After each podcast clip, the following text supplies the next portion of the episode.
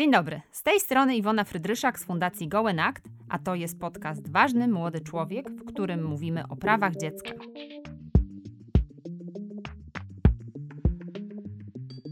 Każda i każdy z nas ma wpływ na poszanowanie lub łamanie praw dzieci żyjących na całym świecie. I właśnie o tym rozmawiamy z ekspertami i ekspertkami w tym temacie. Podcast jest częścią projektu finansowanego z funduszy EOG w ramach programu Aktywni Obywatele Fundusz Regionalny.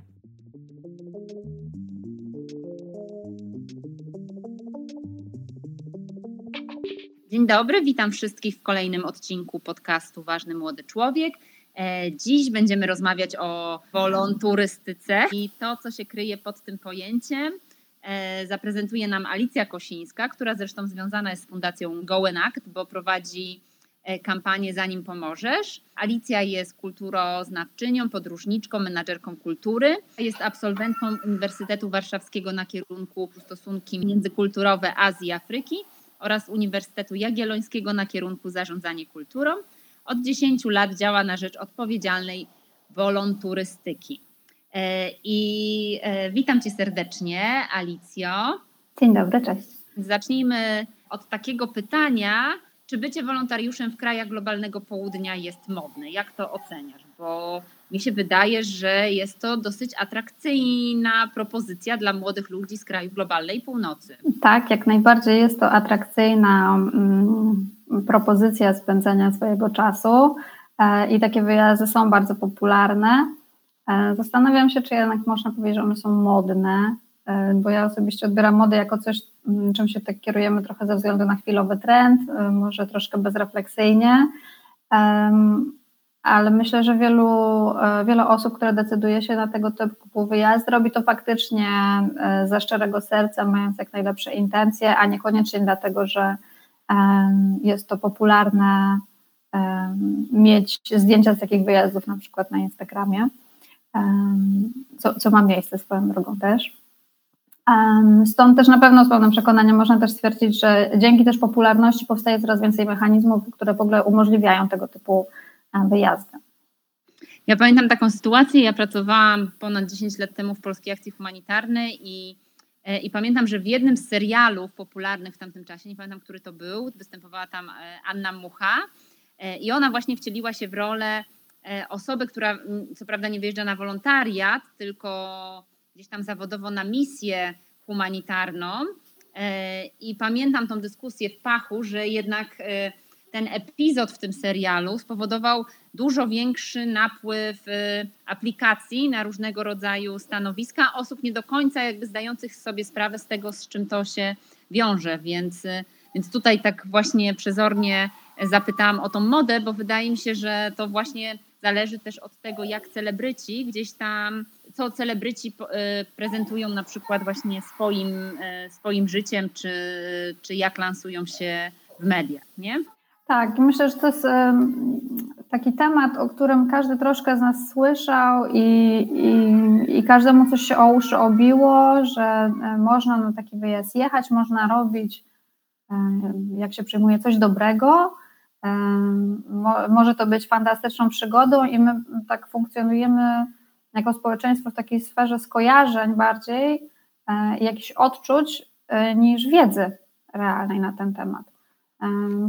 Bo jednak wyjazdy na misje humanitarne e, wymagają niezwykłych kompetencji, przeszkolenia, olbrzymich zasobów też wiedzy, odporności psychicznej a to nie jest coś, o czym myślimy w perspektywie jakiejś, e, jakiegoś swojego wyjazdu, prawda?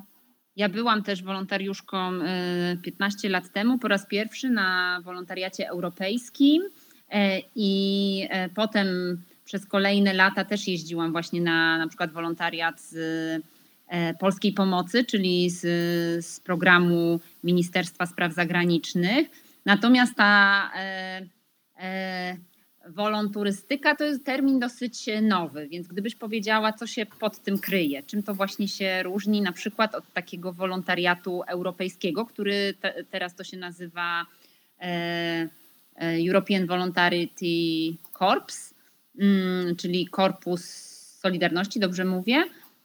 Więc czym jest właśnie taka wolonturystyka, a taki wolontariat wyjazdowy, który no ja pamiętam właśnie wydawało mi się, że, że, że jeszcze ileś tam lat temu tego terminu wolno, wolonturystyka nie było.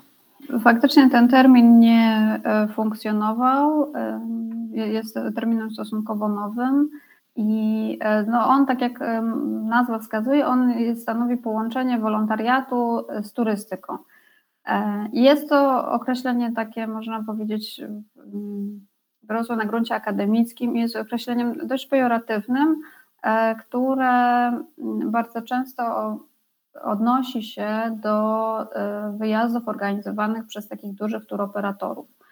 Kiedy wpiszemy w wyszukiwarkę wolontariat zagraniczny, to zazwyczaj pierwsze linki, które nam doskoczą, te o najlepszym pozycjonowaniu, też jeżeli wpiszemy takie hasło po angielsku, e, to są duże firmy, e, które działają de facto jak biura podróży, tylko że organizują wolontariaty zagraniczne. My nigdzie zazwyczaj na ich stronach nie znajdziemy informacji o tym, że to jest no, biuro podróży w cudzysłowie pomocowe, e, tylko jakby to, to tak sprawia wrażenie takiej dużej międzynarodowej organizacji. Myślę, że to jest pierwsza taka pułapka, którą trochę łatwo wpaść. I te, te firmy, e, one, mm, to, czym, co im daje taką największą siłę, to to, jak e, zróżnicowane mają projekty e, i w jak wielu krajach one są prowadzone. Więc de facto mówimy o działaniach masowych w których biorą udział, bierze udział kilka tysięcy osób rocznie w paru dziesięciu krajach, robiąc e, e, parę dziesiąt projektów nawet w jednym kraju. E, także mm, no tutaj jakby idzie się w masowość, niestety bardziej niż w jakość. Takie firmy oczywiście robią to odpłatnie, wolontariusze płacą za swój wyjazd i w ramach tej opłaty mają de facto zorganizowany cały pakiet, transport, e, zakwaterowanie, wyżywienie e, i pracę na miejscu. No i mm, w założeniu ma to gwarantować to, że wolontariusz trafi do e, organizacji, mm, która jest rzetelna i że jego kompetencje zostaną odpowiednio rozpatrzone. W praktyce jednak zachęcana do tych wyjazdów są osoby, E, które kompetencji żadnych nie mają. Ta, ta narracja jest bardzo taka przesycona hasłami o tym, że niewiele trzeba, aby pomóc, e, twoje, Twój zapał też jest ważny i potrzebny, a więc e, te oferty bardzo zachęcają do udziału w tym, przedstawiają tę wiedzę jako fantastyczną przygodę. Mm, no tylko, że w momencie, jeżeli to wolontariusz jest klientem, no to, no to, to zadowolenie klienta liczy się niestety czasem bardziej niż skuteczność danego projektu. Więc przy, przy mówieniu o takiej masowości e, wyjazdów i, i, masowej skali organizacji zaczęto mówić o wolonturystyce. Ja przyznam, że mam problem z tym, z tym sformułowaniem, bo myślę, że ono w dzisiejszych czasach nam potrafi być trochę mylące i nam nie pomaga. E, jeżeli pomyślimy o tym, że wolonturystyka to jest połączenie wolontariatu i turystyki, to de facto e, wolonturystą będzie też osoba, która zaangażuje się w tego typu wyjazd e, zupełnie spontanicznie, na przykład podróżując plecakiem przez Indię, e, o bardzo niewielkim budżetem, zobaczy gdzieś po drodze jakiś sierociniec i zacznie tam e, prowadzić lekcje. I może tam prowadzić lekcje ramię w ramię z osobą, która zapłaciła kilka tysięcy złotych za, za taki wyjazd i trafi dokładnie w to samo miejsce. Czy działania, ich działania się różnią od siebie? Nie, oni de facto robią dokładnie to samo. Więc dawniej mówiąc o wolontariatach zagranicznych, mówiło się właśnie o takim e, wolontariatach, jak e, Ty wspomniałaś o swoim, wolontariatach europejskich, gdzie przede wszystkim było mało projektów, było mało osób, które wyjeżdżały i trzeba było przejść rekrutację, żeby w ogóle się zakwalifikować na, na taki wyjazd. Wolonturystyka zakłada pełen dostęp do tego. Można wybierać jak z katalogu zarówno projekt, jak i kraj, jak i termin wyjazdu. Um, więc na przestrzeni lat y, zaczęłam mieć jednak wątpliwość, na ile mm, możemy de facto mówić o rozróżnieniu na w cudzysłowie dobre wolontariaty zagraniczne i złą wolonturystykę, bo mam poczucie, że nie zawsze mm, raz, że wolonturystą może stać się osoba, która też pojedzie do Indii z plecakiem, mając bardzo niski budżet i angażując się w pracę na miejscu, na przykład w jakimś lokalnym sierocińcu, zaczyna uczyć języka angielskiego, o czym też będziemy rozmawiać później. E, no i ona, ta osoba może ramię w ramię pracować z osobą, e, która zapłaciła kilka tysięcy złotych takiemu turoperatorowi za organizację takiego wyjazdu. De facto jedna i druga osoba jedną i drugą osobę można nazwać e, wolonturystą, e, no bo oni też będą chcieli przy okazji e, swojej pracy połączyć ją ze zwiedzaniem.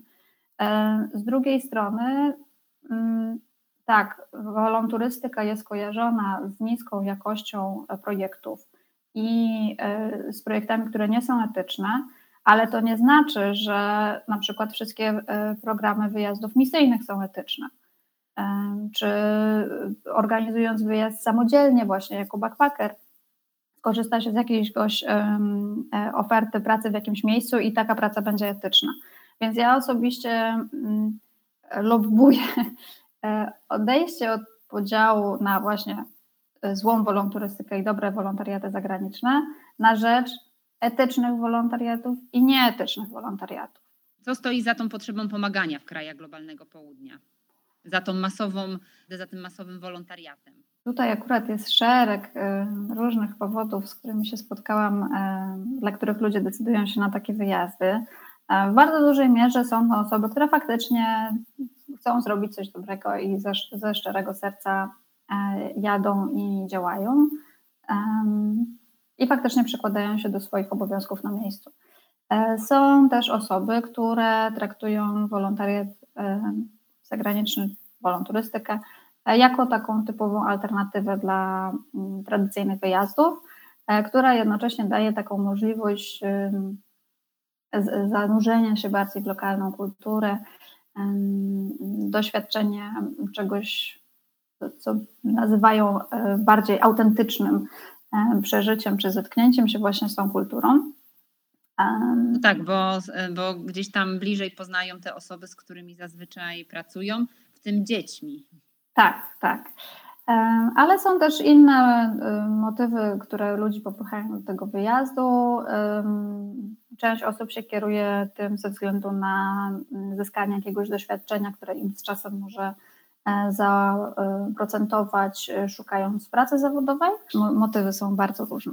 Tak, zastanawiam się e, też właśnie w kontekście globalnej północy i globalnego południa, na ile to jest tak, że my, mieszkańcy globalnej północy, wiemy też lepiej, jak pomóc, jak zmienić tą sytuację, którą często, ta narracja często jest taka właśnie, że to są w cudzysłowie mniej cywilizowane kraje, że jest tam bieda i że my tutaj jesteśmy e, tym zbawcą, e, który przyjeżdża i dużo lepiej wie, jak tu sobie poradzić, jak, jak wychowywać dzieci, jak, e, jak spowodować, że te wszystkie problemy, które, które w danym kraju są, po prostu zmienić. Tak, to, to jest takie bardzo mm, dojmujące, powszechne i przykre zjawisko. Ale tutaj też stanę trochę w obronie wolontariuszy. Myślę, że y, wielu z nich, myśląc w ogóle o organizacji takiego wyjazdu, nie myśli jeszcze w ten sposób. E, tylko właśnie gdzieś mogliście kojarzyć, że można jechać, przeżyć taką przygodę i zrobić przy okazji coś dobrego. I w momencie, jak zaczyna się szukanie ofert, e, to wtedy ta narracja tego, to, co co nazywamy też białym zbawcą, ale to ta narracja uderza z całą siłą. Mm, I stąd też mówi się o, o zjawisku neokolonializmu. Ja wiem, że dla wielu osób jakby zdarzenie słowa wolontariat i neokolonializm brzmi zupełnie w ogóle nie, nieintuicyjnie i niezrozumiale, więc może tak po kolei jakby troszeczkę postaram się przez ten temat przejść. Kolonializm jako taki polegał na opanowaniu i utrzymaniu kontroli politycznej, gospodarczej i mentalnej przez jedne, przez jedne państwa mm, nad, nad innymi, de facto w celu ich eksploatacji.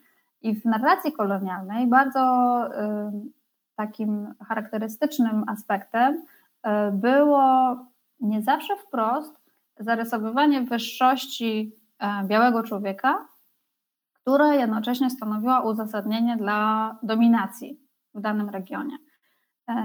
To podkreślanie swojej wyższości, jednocześnie też Mm, jednocześnie temu towarzyszyło umniejszanie, upraszczanie, generalizowanie i taki protekcjonalizm względem e, lokalnej społeczności i przed, przede wszystkim przedstawiano tą lokalną społeczność jako społeczność bardzo zależną.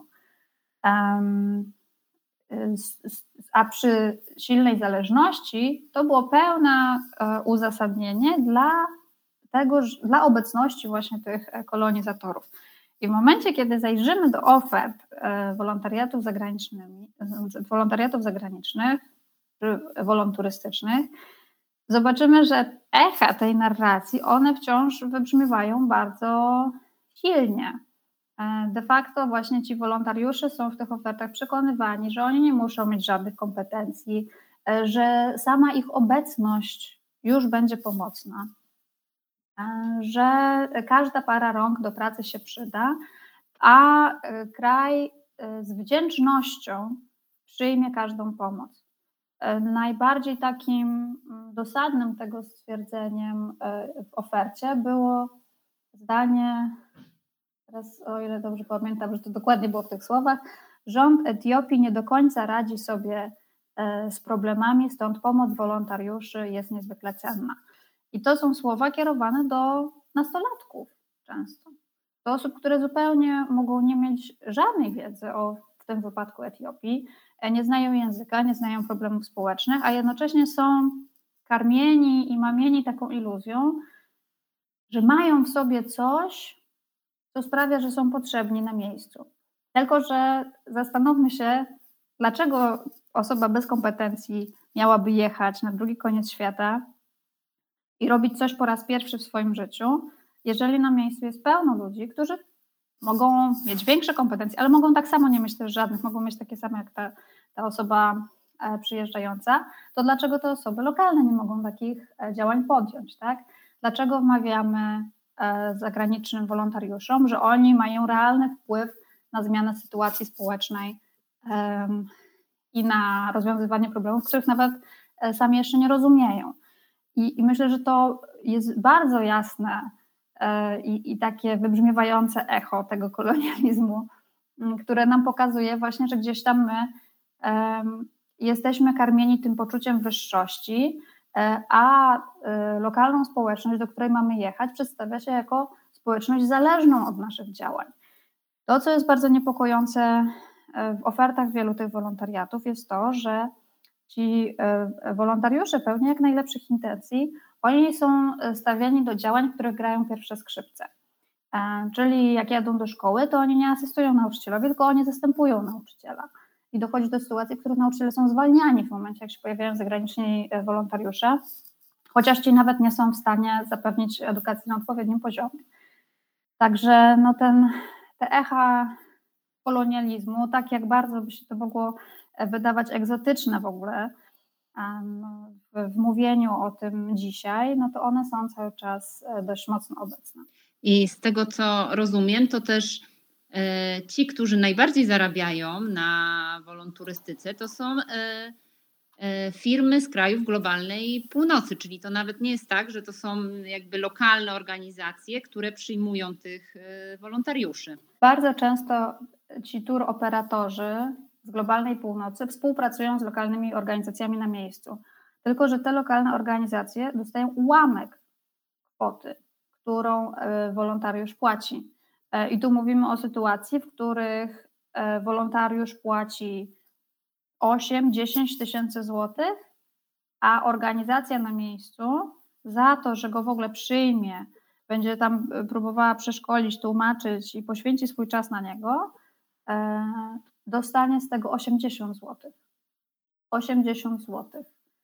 To, to, to, jest tak olbrzymia dysproporcja, że, że widać na tym, jak, jak bardzo właśnie ci turoperatorzy zarabiają na tego typu wyjazdach, szczególnie jeżeli spojrzeć na ich raporty finansowe, które również są dostępne, z których wynika, że na przykład na e, same opłaty administracyjne zostaje przeznaczone 50% e, kwoty, jaką wolontariusz wpłaca. Czyli to wcale nie oznacza, że jeżeli my zapłacimy dużo za wyjazd, to, że my w cudzysłowie pomożemy bardziej, bo te pieniądze zostaną właściwie spożytkowane. Niestety nie. I tak jak właśnie powiedziałaś, no to to w dużej mierze te pieniądze zostają w rękach tych dużych turoperatorów. E, to tak jak powiedziałaś, wynika z tego, że w większości te programy w zasadzie nie mają sensu takiego pomocowego, ale powiedz, czy one też szkodzą? Dotknęłaś tutaj ważnej kwestii, więc pozwolę najpierw na nią odpowiedzieć. Na ile one mają sens, a na ile nie mają sensu. Bo jeżeli ci, ci wolontariusze mogą nie być specjalnie potrzebni, to po co oni w ogóle tam przyjeżdżają? No i po co w ogóle organizacje ich przyjmują? No właśnie ze względów finansowych.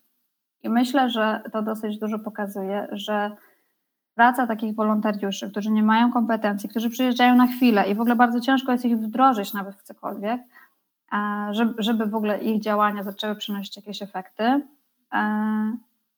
to ta praca de facto jest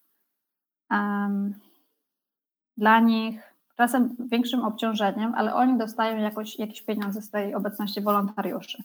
Czy to jest źle? Trudno oceniać, bo ja też często spotykam się z taką bardzo silną krytyką tego, że się za wolontariat płaci, bo wolontariat powinien być za darmo. Myślę, że to jest bardzo trudne zagadnienie, dlatego że e, wszystko kosztuje i za wszystko trzeba zapłacić. Pytanie, kto płaci? I w momencie, jeżeli trudno oczekiwać, że za nasz przyjazd, jako osoby, która nie ma specjalnych kompetencji, e, zapłaci potrzebująca organizacja w Ugandzie, na przykład, prawda? E, za nasz przylot, za nasze wyżywienie, za nasz hotel. Jakby to, to, to są dosyć nierealne oczekiwania. Mm, to raz. Dwa. Jeżeli y, mamy wolontariat finansowany, z, taki wolontariat europejski, e, no to to jakby jest opłacane ze środków europejskich.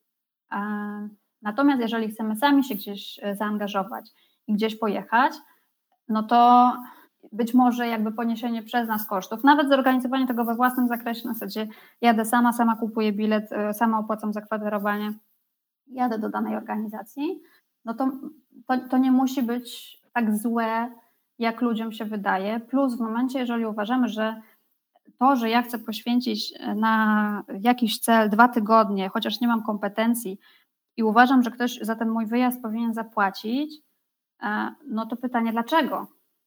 Tak? I znów wracamy do tej kwestii kolonializmu. Jeżeli ja nie mam kompetencji e, i jestem, chcę przeżyć coś ciekawego, no to, to kto miałby za to zapłacić, tak? Kto, kto ten koszt ma realnie ponieść? Więc stąd, jeżeli są jeżeli organizacje dostają niewielkie pieniądze z tego, że e, wolontariusze przyjeżdżają i to im pomaga zachować jakąś płynność finansową e, i realizować dzięki temu swoje projekty, no to może to wcale nie jest takie rozwiązanie, takie złe rozwiązanie, tak długo jak wolontariusze nie szkodzą. E, I tutaj przejdę do drugiej części odpowiedzi na Twoje pytanie, bo niestety wiele projektów jest zwyczajnie szkodliwych. Um, wolonturystyka um, ma na celu sprawienie, że wolontariusz będzie zadowolony. A żeby być zadowolonym, trzeba robić ciekawe rzeczy. Um, trzeba robić coś nowego. Trzeba przeżyć przygodę. E, I to jest to, z czym ludziom też wolontariat się kojarzy. Ja nie mówię, czy to jest dobrze, czy źle, no po prostu jakby mamy takie skojarzenie, prawda? Tylko, że właśnie w momencie, jeżeli do danych zadań jesteśmy powoływani po raz pierwszy i nigdy e, ich wcześniej nie realizowaliśmy, no to trudno oczekiwać, że one będą na wysokim poziomie. E, I myślę, że to jest e, szczególnie trudne w przypadku wolontariatów medycznych, gdzie osoby bez doświadczenia, bez, bez nawet wiedzy medycznej, bez nawet kursów pierwszej pomocy są dopuszczane do przyjmowania porodów albo nastolatkowie do zabiegów aborcji. To jest dla mnie wciąż, ja, ja o tym mówię od, od lat, a jakby jest dla mnie wciąż to e, uderzające, że w ogóle w XXI wieku mamy, e, mamy tego typu e, możliwości w ogóle uczestniczenia w, w takich rzeczach, nie mając żadnej wiedzy. I też no, osobną kwestią jest to, Na ile takie projekty potrafią być szkodliwe dla dzieci? I przechodząc do clue tak naprawdę naszego dzisiejszego tematu, no bo mówimy oczywiście o wolonturystyce w kontekście łamania praw dzieci.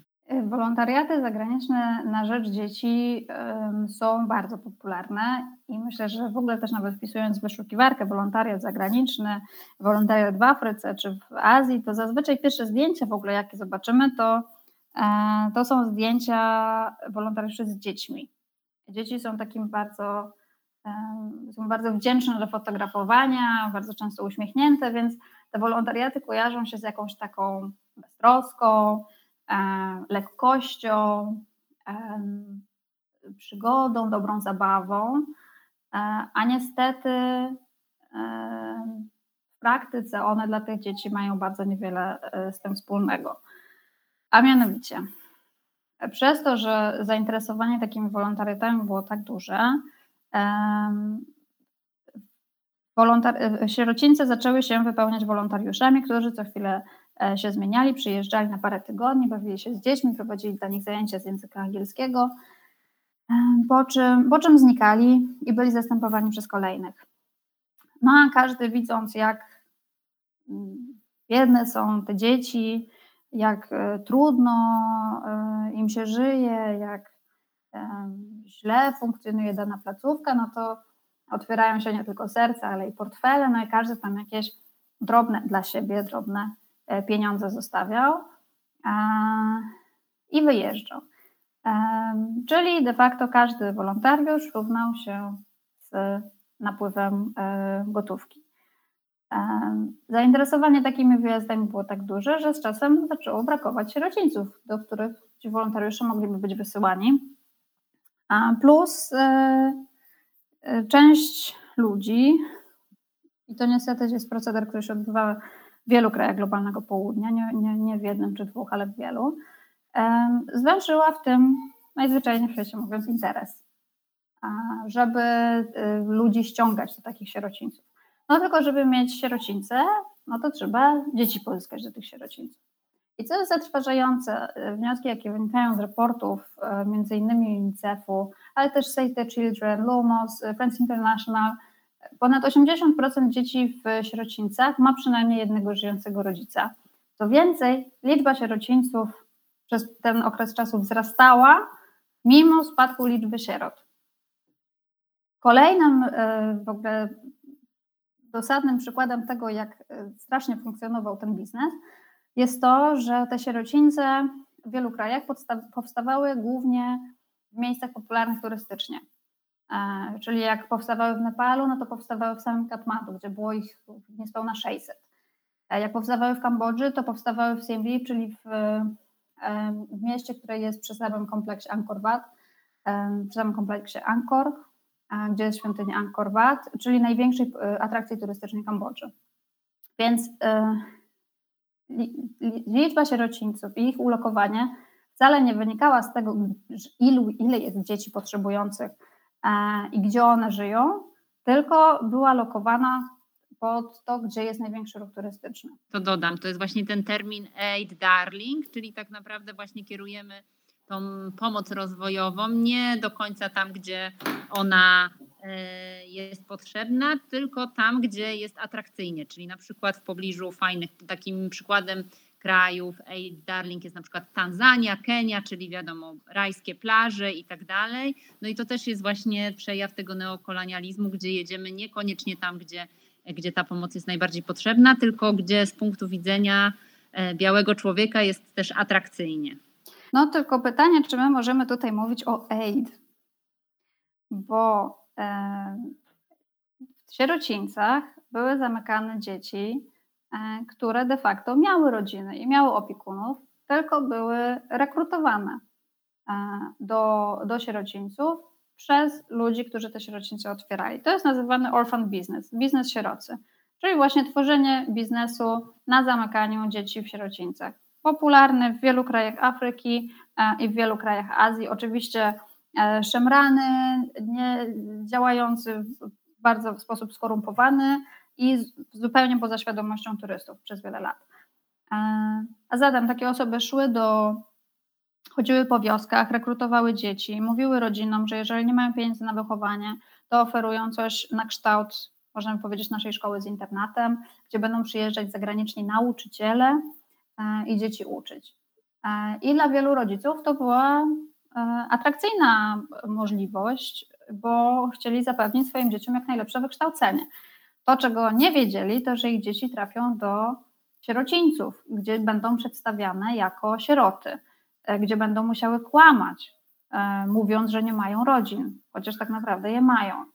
E, przez to, że wiele z tych placówek w ogóle funkcjonowało i funkcjonuje w sposób nielegalny, to te dzieci były przerzucane z miejsca w miejsce, sierocińce były przenoszone, tak że wielu rodzin, wiele tych, z tych dzieci straciło bezpowrotnie kontakt ze swoimi rodzinami. Wyobraźmy sobie sytuację, w której wysyłamy swoje dziecko do szkoły z internatem, po czym nagle to dziecko znika. My w ogóle nie wiemy, gdzie ono jest, czy ono jest 50 y, km od nas, czy 500 km od nas, prawda? E, też w momencie, jeżeli dziecko nas opuszcza, kiedy jest bardzo małe, ono nawet nie wie, może mieć problem z powrotem, z przypomnieniem sobie, gdzie, gdzie mieszkało, gdzie, gdzie ta jego rodzina była. Ci, ci rodzice też mogą e, nie umieć później też tego dziecka znaleźć, przez to, że że system jest tak, tak skorumpowany, że, że te, takie placówki działają nie, nielegalnie. Mm, no ale właśnie y, one ściągają wolontariuszy. W przypadku Malawi na przykład szacuje się, że 52% sierocińców rekrutuje dzieci, wyciągając je ze swoich rodzin biologicznych. I problemem dodatkowym jeszcze tych placówek jest to, że one często umyślnie utrzymywały dzieci w takiej e, rażącej biedzie, która będzie, mówiąc e, potocznie, kuła w oczy e, wolontariuszy, no bo oni będą zostawiać te pieniądze, no bo, bo będą widzieli, że jest źle. W momencie, jeżeli by osoby, które takie sierocińce prowadzą, zaczęły inwestować w ten sierociniec, no to on już by nie wzbudzał i te dzieci by nie wzbudzały aż takiej litości jak do tej pory. Tylko by no, więc być może ci wolontariusze i, i, turyści, którzy też osobno przychodzą, nie zostawiali aż tak e, dużych pieniędzy. Więc jakby jest to e, okrutny proceder, który też e, ma e, i może przede wszystkim ma e, porażające konsekwencje dla przyszłości tych dzieci. Dlatego, że psychologowie dziecięcy alarmują, że obecność, że de facto obecność stałych opiekunów pozwala dzieciom na rozwinięcie przy, przywiązania do nich, a to z kolei przejawia, ma, to z kolei ma przełożenie na e, doświadczenie takiego adekwatnego poczucia bezpieczeństwa i ufności w ogóle e, w świecie społecznym. E, I, i idąc dalej, ma przełożenie na to, jak później dziecko buduje relacje z, z innymi ludźmi w, swoim, w swojej dorosłości. Natomiast przebywanie w placówce takiej opiekuńczej sprawia, że dzieci są pozbawione tej stałej opieki i mogą mieć później problem z nawiązywaniem takich e, głębszych relacji. A co więcej, one w ogóle mogą też przejawiać już na etapie, będąc małymi dziećmi, szereg symptomów zaburzeń przywiązania. E, I to na przykład bardzo charakterystyczne jest to, że dzieci są takie bardzo takie przytulaśne, że ledwo ktoś wejdzie przez bramę, one się od razu rzucają na szyję, już drugiego dnia nam mówią, jak nas bardzo kochają i tak dalej. I to niestety jest jednocześnie taka woda na młyn e, na te wolontariaty, no bo wolontariusz przyjeżdża z sercem na dłoni i już następnego dnia dzieci mu się wieszają na szyi i mówią, jak, jak bardzo go kochają, tak? Trudno nie czuć, będąc takim wolontariuszem, głębokiego poczucia spełnienia i tego, że robi się coś naprawdę wyjątkowego, fantastycznego, będąc otoczonym miłością. No tylko, że wolontariusze nie są w ogóle uprzedzani czy informowani o tym, że takie zachowania u dzieci w ogóle nie są właściwe, że one są niepokojące. I jeżeli się nawet zastanowimy nad tym na polskim gruncie, e, to byłoby dla nas niepokojące, gdyby nasze dziecko się rzucało na szyję obcemu człowiekowi następnego dnia po tym, jak go poznało i mówiło mu, że go kocha. Także tutaj bardzo łatwo wpaść w takie podwójne standardy tego, jak, e, jak traktujemy te dzieci. Także dla, dla przyszłości tych dzieci przebywanie w placówkach jest e, negatywne. Mm, de facto bycie w takich placówkach dla dzieci ma bardzo, właściwie nie ma plusów. Ono jest też potwornie drogie. Szacuje się, że e, pobyt dziecka w placówce opiekuńczej jest de facto siedmiokrotnie droższy niż wychowywanie dziecka na łonie rodziny przez jakiegoś bliższego lub dalszego krewnego.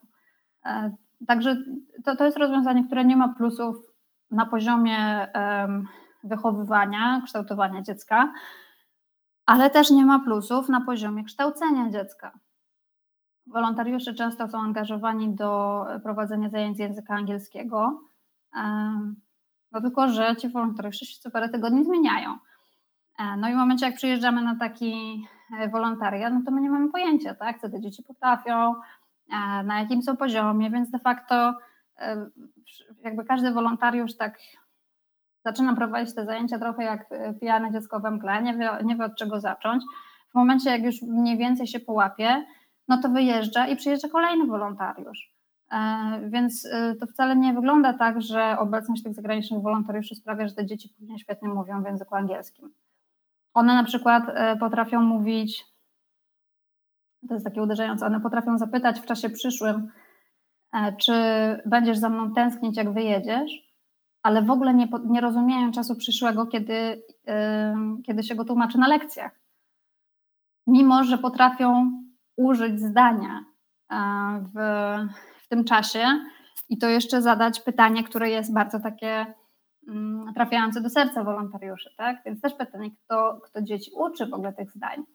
Kto, kto uczy dzieci mówienia I love you, will you miss me? E, kiedy nie umie powiedzieć e, nic innego w czasie przyszłym.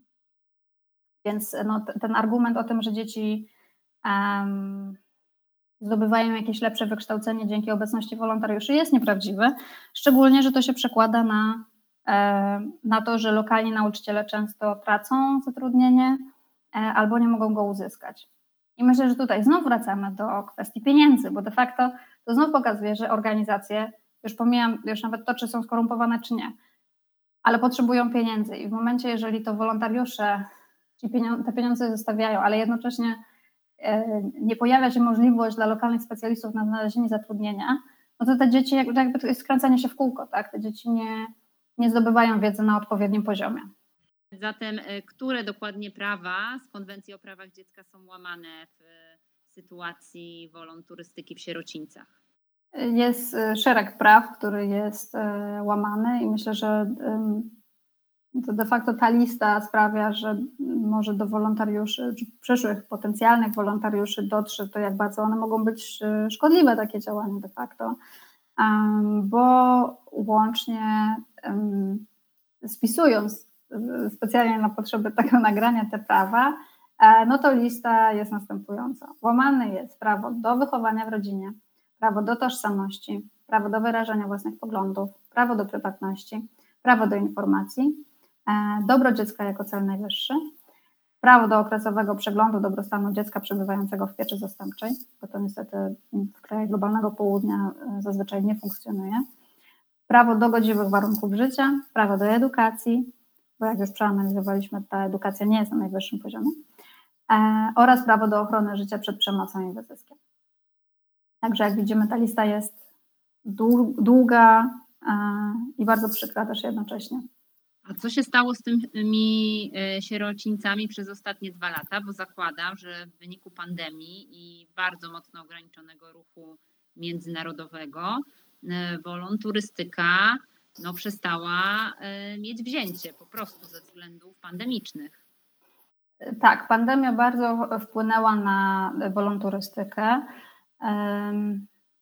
ale też to sama wolonturystyka i jej obnażenie w ciągu ostatnich lat bardzo wpłynęło na funkcjonowanie sierocińców. Więc przez to, że coraz więcej zaczęło wypływać danych na temat tego, jak E, sierocińcy funkcjonują i jak, jakie to ma przełożenie, jak, jaki to ma związek z obecnością wolontariuszy zagranicznych, e, zaczęła się pojawiać taka coraz większa presja, żeby e, coś zrobić w tym temacie. I coraz więcej państw globalnego południa zaczęło się decydować na to, żeby te sierocińce zacząć zamykać, a dzieci przywracać na łona swoich rodzin.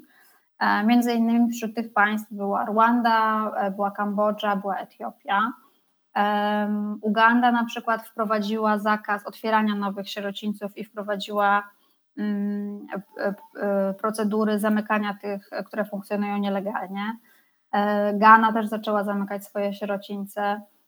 Natomiast takim przodownikiem w Afryce na rzecz reintegracji dzieci z rodzinami jest Kenia, która, która tutaj bardzo ciekawe inicjatywy prowadzi. Więc to, to, to był proces, który się zaczął jeszcze przed pandemią i on funkcjonował w jednych krajach lepiej, w drugich gorzej. E, po czym przyszła pandemia, e, która de facto całą wolonturystykę e, i te programy wolontariatów zagranicznych po prostu je zatrzymała. Wolontariusze zniknęli. No i mm, doszło do takiego resetu systemu. Chciałabym teraz móc powiedzieć, że system został zatrzymany, możemy go teraz zbudować na nowo i, i będzie pięknie, no ale jak to e, bywa w kwestiach e, zrównoważonego rozwoju i, i współpracy, mm, no to są e, bardzo złożone procesy, które nie są jednoznaczne i, i łatwe do rozwiązania. Na skutek pandemii wolontariusze zniknęli i plusem było to, że bardzo się rozwinęły wolontariaty zdalne, E, więc osoby, które się faktycznie realnie chciały zaangażować ze swoimi kompetencjami, mogły zaangażować się zdalnie, dzięki czemu um, też nie była tak widoczna ta kwestia um, różnicy kulturowej, e, te, nie było tych neokolonialnych niuansów, e, które normalnie by się może pojawiły w, w bezpośrednim kontakcie. Um, natomiast pandemia sprawiła, że bardzo wiele dzieci e, straciło swoich opiekunów mm, z powodu e, COVID-19 e, i te placówki się zaczęły na nowo zapełniać, mm, te sierocińce. Przy jednoczesnym braku wolontariuszy, a dokładnie braku środków finansowych, które za ich obecnością szły. Więc tak pandemia zatrzymała E, wolontariat w sierocińcach, ale to niekoniecznie oznacza, że e, te dzieci mają teraz lepiej. Tylko, że jedno jakby nie do końca wynika z drugiego, prawda? Mam nadzieję, że to jasno wytłumaczyło. Wspominałaś e, o tym wolontariacie, który jest na miejscu, gdzie E, gdzie młody człowiek jedzie i, i, i, po prostu mieszka w sierocińcu i powiedzmy jest tymi dziećmi, ale jest druga forma też wspierania dzieci i to są adopcje na odległość. I czy to jest etyczny sposób pomagania, albo jaki powinien być, bo to są też programy, które są dosyć popularne w krajach globalnej północy, e, są bardzo różne E, jakie jest Twoje zdanie w tym zakresie? Rozumiem, że mówimy o tej tak zwanej adopcji serca. To faktycznie był e, pomysł bardzo popularny, bodajże już w latach 90. On wtedy tak bardzo rozkwitł i funkcjonował w takiej formie, jak ją przytoczyłaś. Myślę, że to, że to ma plusy i minusy. Plusem jest to, że są przekazywane pieniądze, za które faktycznie organizacje mogą kupić to, czego te dzieci najbardziej potrzebują. Ludzie niechętnie e, dokonują wpłat i darowizn finansowych, bo mają poczucie, że za tym się może kryć e, właśnie jakaś korupcja i tak dalej. A de facto no, te, te dzieci też jakby ich życie generuje koszty ich chodzenie do szkoły, wyżywienie, ubieranie się. To jest naturalne, że wszystko musi zostać z czegoś e, opłacone i że bez tych pieniędzy dużo trudniej y, im się funkcjonuje i, i żyją w, większym ubóstwie. Problemem jednak takiej narracji, y, w ogóle nazywania tego adopcją, y, jest budowanie jakiejś takiej de facto nieistniejącej relacji między dzieckiem a, a osobą wpłacającą, która ma na celu zaspokojenie może jakiejś potrzeby emocjonalnej tych e, osób, które te pieniądze wpłacają. No tylko, że dla dziecka na miejscu nie, nie, nie wydaje się to właściwe, aby dziecko, e, które wychowuje się, no w tym wypadku tak, w jakimś domu dziecka załóżmy, nie wiem, no w tej, załóżmy w tej Ugandzie, że ono ma dorastać w poczuciu wdzięczności mm, wobec kogoś, kogo nigdy nie widziało na oczy, ma mu wysyłać kartki, że to dziecko de facto ma spełniać potrzeby emocjonalne tej osoby dorosłej. Myślę, że adopcja na odległość, adopcja serca dużo lepiej funkcjonuje w sytuacjach, gdy mówimy o cudzysłowie, w cudzysłowie adopcji całych rodzin, gdzie wspiera się finansowo daną rodzinę, gdzie dzieci się wychowują ze swoimi rodzicami, e, gdzie wiedzą, że to ci rodzice są dla nich oparciem i wsparciem, a, a nie muszą być w ogóle wciągane w to, skąd te pieniądze się w rodzinie biorą. E, I to de facto jest z korzyścią dla wszystkich. To jest z korzyścią dla dziecka, e, bo rozwija się w, w najlepszej możliwych warunkach, czyli w swojej rodzinie. E, to jest z korzyścią dla dynamiki w rodzinie, bo to rodzic zapewnia dziecku to, co, to czego potrzebuje, a nie osoba obca, przynajmniej z perspektywy dziecka. I jest to dobre dla osoby, która te pieniądze przesyła, bo de facto to jest najwdzięczniejszy i najbardziej skuteczna, dużo bardziej skuteczna forma pomocy e, niż wysyłanie pieniędzy na jedno e, dziecko, które ma, e, nie wiem, wysyłać temu tej osobie laurki.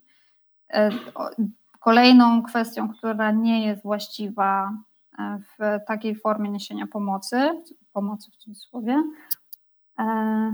jest to, że te dzieci często na stronach, w których e, można sobie, no właśnie, w ogóle w, jakich, jakich kategoriach musimy, w jakich kategorii myślowych musimy użyć, żeby w ogóle to opisać. Kiedy wyszuki, wyszukujemy e, takie strony z adopcją na odległość, de facto wyskakuje nam katalog tych dzieci i my sobie możemy wybierać i przebierać i prawie, że tam raz właśnie jeden z moich studentów na zajęciach się y, y, zażartował tak e, pół żartem, pół serio, że tylko brakuje guzika, dodaj do koszyka. Że, że, że to jest jak, no dosłownie katalog, gdzie się wybiera dziecko, zaznacza, e, zrób przelew, e, przelewy 24 albo blik i, i dziecko jest adoptowane. I to jest takie, mm, trudno się oprzeć wrażeniu, że to jest niestety takie przedmiotowe podejście do dzieci. E, to raz. Dwa, kiedy już się jakby spojrzymy na to z drugiej strony, dlaczego jedno dziecko, e, jaką, jaką to powoduje dynamikę między relacji między dziećmi, że jedno dziecko dostaje takiego rodzica na odległość, nazwijmy to, i nagle ma nowe ubrania, zabawki, dostaje paczki z Polski, a inne dzieci tego nie mają. To, to nie jest właściwe dla dzieci, żeby one w ogóle pracując, znaczy to nie jest właściwe dla dzieci, żeby one y, musiały funkcjonować w jakimś poczuciu, że one w jakiś sposób muszą zasłużyć na to, żeby ktoś je wybrał, żeby mogły jakieś dary otrzymywać. Także no niestety ten, wydaje mi się, że pomysł z tym, żeby przesyłać pieniądze bez bezpośredniego angażowania się w działania, jeżeli nie mamy do tego kompetencji, jest dobry, tylko że byłoby dużo lepiej realizowany, jeżeli by to było właśnie na zasadzie adopcji rodzin i wspierania całych rodzin, w których dzieci się wychowują. Ja się bardzo cieszę, że, że ten temat e, też podjęłyśmy, no bo to faktycznie jest tak, że często jednak brakuje tej świadomości, takiej głębszej refleksji i rzeczywiście to jest tak, że, e, że no, osoby robią to z dobrej woli, ale tak jak powiedziałaś, że ostatecznie to jest spełnianie jakichś swoich emocjonalnych potrzeb, a nie taka bezinteresowna pomoc. E, powiedz, bo omówiłaś adopcję na odległość, jak Twoim zdaniem e, powinna ona wyglądać? Adopcja w cudzysłowie oczywiście. Natomiast e, jak powinien wyglądać ten etyczny wolontariat, jeżeli faktycznie już mamy te możliwości i chcielibyśmy wyjechać, e, to, to jakie są zasady etycznego wolontariatu zagranicznego? Jeśli mówimy o etycznym wolontariacie zagranicznym na rzecz dzieci, to jest taki paradoks, ale albo powinniśmy jechać naprawdę na długo, jeżeli chcemy pracować z dziećmi. Więc etycznym wolontariatem w realnym kontakcie z dziećmi to byłby wolontariat na 6 miesięcy na rok, z założeniem, że mamy ku temu kompetencje i doświadczenie. Um, bo właśnie patrząc pod samym kątem etyki, jeżeli nawet wybierzemy operatora, turoperator, któremu zapłacimy e, za organizację takiego wyjazdu, ale właśnie mamy kompetencje, jedziemy na długi okres czasu, no to poza tym aspektem, że tracimy więcej pieniędzy niż byśmy mogli, to, to taki wyjazd może faktycznie być owocny dla obu stron.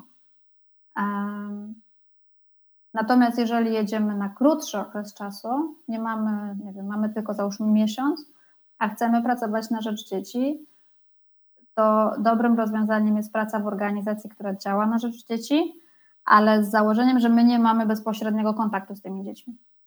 Tak? Czyli na przykład jestem księgową, to mogę pojechać do placówki, która zajmuje się dziećmi i pomóc przy rozliczaniu księgowym. To brzmi zupełnie nieatrakcyjnie, to brzmi wręcz nudno, e, ale myślę, że to jest bardzo dobry przykład, który pokazuje tego, że to, że skuteczny wolontariat wcale często nie jest atrakcyjny. Że to te najbardziej potrzebne działania do realizacji, one z perspektywy wolontariuszy mogą wcale nie wydawać się, to źle zabrzmi, ale dość atrakcyjne, żeby w ogóle jechać. I myślę, że to jest w ogóle też taki dobry test, e, żeby się przekonać o tym, na ile faktycznie chcemy jechać się zaangażować, bo też nie ma nic złego w przyznaniu przed sobą, że a, myślałam o tym, ale jednak to chyba nie dla mnie, no to, to nie pojadę, tak. Myślę, myślę że takie um, świadomość tego jest bardziej odpowiedzialna niż jechanie na siłę i angażowanie się w, w programy, które mogą być e, nieetyczne. Także myślę, że to są e, właśnie takie czynniki, żeby przede wszystkim zwrócić uwagę na kompetencje, jakie mamy. A możemy być najróżniejsze, prawda? Możemy, nie wiem, być specjalistami w Excelu i zrobić szkolenie dla pracowników z Excela e, takiej organizacji, co przełoży się w dalszym mierze, prawda, na to, że na przykład będą lepiej rozliczać projekty, będą ich dostawać więcej i dzieci dzięki temu będą funkcjonować lepiej. E, no ale to nie będzie nasz, bez, nasza bezpośrednia praca na rzecz dzieci. Inną dobrą alternatywą jest wolontariat e, w organizacjach, które działają właśnie na rzecz reintegracji dzieci i rodzin, znaczy dzieci, dzieci ze swoimi rodzinami. E, czyli wracając nawet do tej sytuacji pandemicznej, tego, że placówki w wielu krajach globalnego południa, te placówki opiekuńcze się zapełniają, no to jeżeli ma Mm, wolonturystyka wrócić, no to co, co, wydaje mi się jest też nieuchronne, no bo jakby tak, takie są mechanizmy e, na świecie, no to, to byłoby dobrze, jeżeli to, ten zapał e, wolontariuszy by został nakierowany na to właśnie, żeby móc pracować na rzecz tego, żeby te dzieci wracały do swoich rodzin, a nie żeby je zamykać dodatkowo i um, ugruntowywać w tych placówkach opiekuńczych. Na koniec, jako zapowiedź kolejnego odcinka, chciałabym e, e, usłyszeć jeszcze Twoje zdanie, czy Twoje doświadczenie w kontekście e, wykorzystywania wizerunku dzieci, bo też już to się przewijało podczas naszej rozmowy i tak jak mówiłaś, że jak szukamy ofert z zakresu wolonturystyki, no to często właśnie pojawiają się zdjęcia dzieci, młodych ludzi z krajów globalnej północy i to wszystko jest takim radosnym obrazkiem, więc jak, e, jakie zasady powinny e, przyświecać nam, e, żeby, żeby nie łamać praw dzieci w kontekście właśnie wykorzystania ich wizerunku? Odpowiem może anegdotą. Prowadząc zajęcia czy warsztaty, często zaczynam od właśnie pokazywania zdjęć albo e, różnego rodzaju klipów, gdzie właśnie pojawia się biała osoba wśród na przykład czarnych dzieci. I chociaż zupełnie nie wiemy na temat tego zdjęcia czy obrazu nic więcej, i on też nic więcej nie przedstawia, to wszyscy, od, wszyscy uczestnicy zawsze widzą na tych zdjęciach niesienie pomocy. I zawsze wtedy pytam, a co jeżeli Tutaj byłby czarny dorosły i białe dzieci. I wtedy już się pojawia y, zwątpienie, jakby takie zdjęcie czy taki klip został zinterpretowany. Myślę, że to bardzo wiele mówi o tym, jakie mamy skojarzenia, że właśnie widząc białą osobę wśród, wśród osób czarnych, to my od razu widzimy w tym pomoc. I myślę, że to jest bardzo ważne, sytuacji, kiedy są wykonywane zdjęcia z dziećmi, czy to w czasie wakacji, czy to w czasie wolontariatu, bo one bardzo często później, kiedy je publikujemy, one są traktowane jako niesienie pomocy. E, I myślę, że to jest bardzo ważna rzecz, na którą powinniśmy zwracać uwagę, bo samo, mimo tego, że my tego zdjęcia nie opiszemy, ono, czy chcemy tego, czy nie, ono niesie jakiś przekaz. E, przekaz, który jest często zafałszowany. Bo ja sobie mogę zrobić zdjęcie z grupą dzieci na plaży e, pod hotelem pięciogwiazdkowym, ale wiele osób zobaczy to zdjęcie i sobie pomyślą, o, ona pomaga tym dzieciom. Mimo, że nie robię dla tej pomocy w, w tym wypadku absolutnie nic. Oczywiście nie mówię o tym, że trzeba robić sobie takie zdjęcia, bo właśnie nie. To dlaczego trzeba być szczególnie ostrożnym przy publikowaniu zdjęć z dziećmi, to właśnie ta, to, że ta bardzo łatwo przenieść tą ideę tego białego zbawcy, ona się sama wręcz pojawia w tych zdjęciach, czy, czy nam się to podoba, czy nie, czy chcemy tego, czy nie. Mm, dwa, że y, przez to też w ogóle nie są, y, te, te, zdjęcia już są na swój sposób zakłamane. One trochę, raz, że właśnie uderzają w tą e, godność trochę ludzi, e, no bo znów zakładają tą wyższość tego białego człowieka, który na pewno coś robi, żeby pomóc tym potrzebującym. Więc jakby one nie niosą za sobą tej uczciwości, czy tej solidarności, e, czy w ogóle w żaden sposób sprawiedliwie też nie oddają rzeczywistości. Co więcej, zazwyczaj nikt nie ma, albo jakby tak zakładam, że większość osób, które robi tego typu zdjęcia, nie pyta rodziców tych dzieci, czy może te, te zdjęcia publikować. Raczej, raczej nie ma takiego procederu um, popularnego. Ja, będąc rodzicem, nie chciałabym, żeby moje dziecko było brane na bok i było fotografowane z, z grupą turystów na przykład. Także no nie są to Właśnie mimo tego, że dzieci właśnie są wdzięczne i uśmiechnięte e, na tych zdjęciach i, i te, robienie tych zdjęć dzieciom jest bardzo popularne, no to, no to to nie jest coś, co w ogóle jest e, właściwe, co powinno być e, kontynuowane.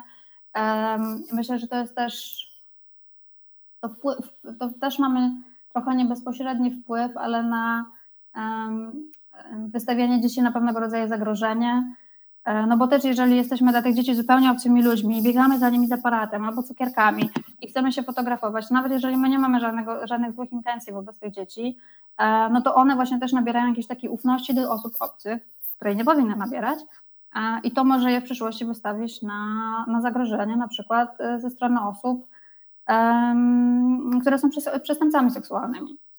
Um, więc no, myślę, że tutaj jakby to robienie zdjęć dzieciom nie jest etyczne, nie jest właściwe, mimo tego, że dzieci na całym świecie są przepiękne i ja chcę się je fotografować, nie czarujmy się, że, że jest inaczej, no ale myślę, że warto po prostu sobie zamiast oglądać dziecko przez ekran, to po prostu odwzajemnić uśmiech tym dzieciom i, i zwiedzać dalej.